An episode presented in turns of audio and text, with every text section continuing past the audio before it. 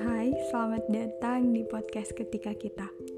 Podcast tentang bagaimana kita bertumbuh dan berproses. Semoga setelah mendengarkan, kita dapat memaknainya dan menjadi lebih hebat dalam perjalanan. Oh iya, podcast ini dibuat dengan aplikasi Anchor dengan Anchor, kita bisa rekam dan publish podcast langsung ke Spotify. 100% gratis. Selamat mendengarkan. Rumah membutuhkan dinding agar bisa merasa nyaman dan aman. Karena tanpa dinding, siapa pun bisa masuk walau pintu sudah tertutup. Ada yang hanya penasaran ada yang bahkan merusak apa yang ada di dalam rumah. Ya, rumah tidak akan utuh jika tanpa dinding. Seperti kita juga, kita membutuhkan batasan untuk menjadi lebih utuh. Batasan yang membuat kita dapat menjadi lebih aman dan nyaman. Mungkin di beberapa waktu kita akan merasa sulit untuk membangun sebuah batasan. Karena kita akan merasa diri kita menjadi egois, tidak berperasaan, apalagi kalau orang tersebut sudah mengenali kita dengan sangat baik.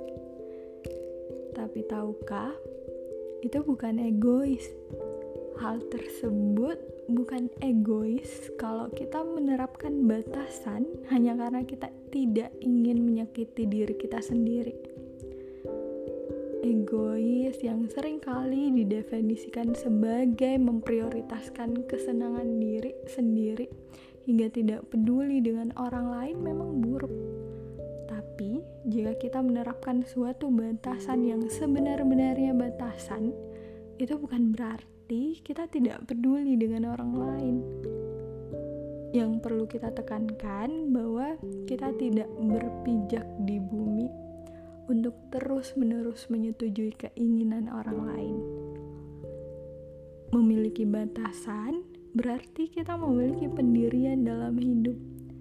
Kita punya prinsip, kita tahu mana yang baik dan buruk bagi kita dan selama kita mengenali diri kita dengan baik, kita tidak perlu khawatir dan merasa egois karena kita akan menjadikannya sebagai ruang untuk diri agar tetap aman.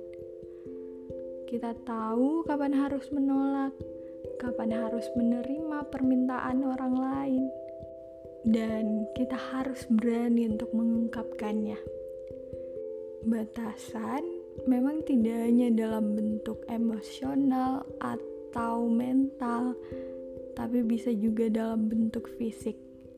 Namun, sering kali batasan mental dan emosional tentunya lebih sulit dipahami karena tidak berwujud.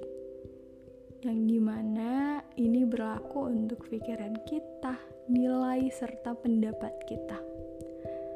Bentasan emosional tentunya mengharuskan kita dapat mengatakan tidak pada permintaan yang tidak masuk akal dan tidak membiarkan suasana hati orang lain dengan mudah mempengaruhi suasana hati kita sendiri. Dengan begitu, kita tentunya akan lebih berani mengemukakan pendapat, berbagi ide, dan tidak mengambilnya secara pribadi jika orang lain tidak setuju. Jika kita tidak memiliki batasan tersebut, tentunya berdampak negatif karena kita akan menjadi lebih mudah terluka oleh umpan balik orang lain. Walaupun ternyata memang mereka hanya memberikan komentar yang membangun. Kita kemudian terobsesi terus-menerus dengan mengerjakan sesuatu tanpa istirahat atau membiarkan diri kita tidak termotivasi lagi untuk melakukan hal apa pun. Batas yang sehat adalah batas fleksibel yang memungkinkan kita melakukan kontrol atas apa yang kita izinkan.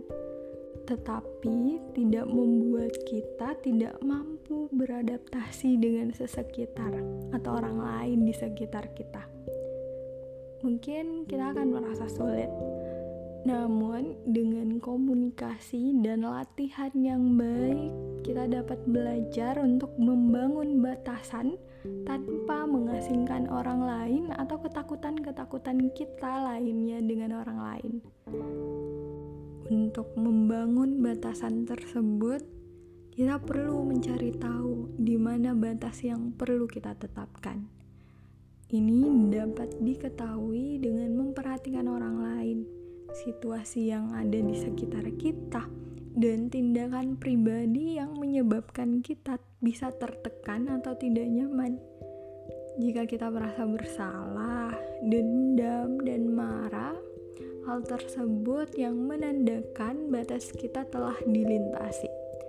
Maka dari itu, kita perlu membangun ulang atau perlu kita komunikasikan lebih jelas. Kemudian, tentunya komunikasikan dengan jelas yang di mana batasan yang sehat tentunya tidak dimaksudkan untuk menghukum orang lain, tapi dimaksudkan untuk saling menguntungkan dan mendukung sesama. Jika kita harus menetapkan batas dengan orang lain, pikirkan untuk mendekati seperti percakapan uh, yang lebih akrab atau negosiasi mengucapkan kalimat minta maaf dan terima kasih juga sangat membantu untuk hal ini. Jika orang lain mulai bereaksi negatif dan membuat kita merasa tidak enak, lihatlah itu sebagai peluang untuk meningkatkan aturan batasan kita, lebih memperkokoh batasan tersebut. Dan ketika itu terjadi, kita tidak akan mudah terpengaruh dengan emosi tersebut, tapi kita bisa menanganinya lebih rasional. Membangun batasan memang menakutkan dan menegangkan pada awalnya. Namun, jika kita telah terbiasa, itu akan membuat kita mencapai kehidupan pribadi yang lebih selaras. Memang sangat baik untuk mengungkapkan perasaan kasih kepada orang lain namun, tidak baik jika karena itu membuat kita meninggalkan kebutuhan dan kebahagiaan kita sendiri dengan pergi memenuhi kebahagiaan orang lain. Maka dari itu, kita harus mampu mengungkapkan kasih kepada orang lain sebagai bagian dari mengekspresikan diri, bukan sebagai cara untuk menghapus kebutuhan dan kebahagiaan kita sendiri. Terima kasih sudah mendengarkan episode ini. Jangan lupa untuk follow podcast ketika kita dan nyalain lonceng notifikasinya biar gak ketinggalan episode terbaru. Semoga kita selalu menemukan kekuatan untuk terus bertumbuh. Sampai jumpa di episode selanjutnya. thank you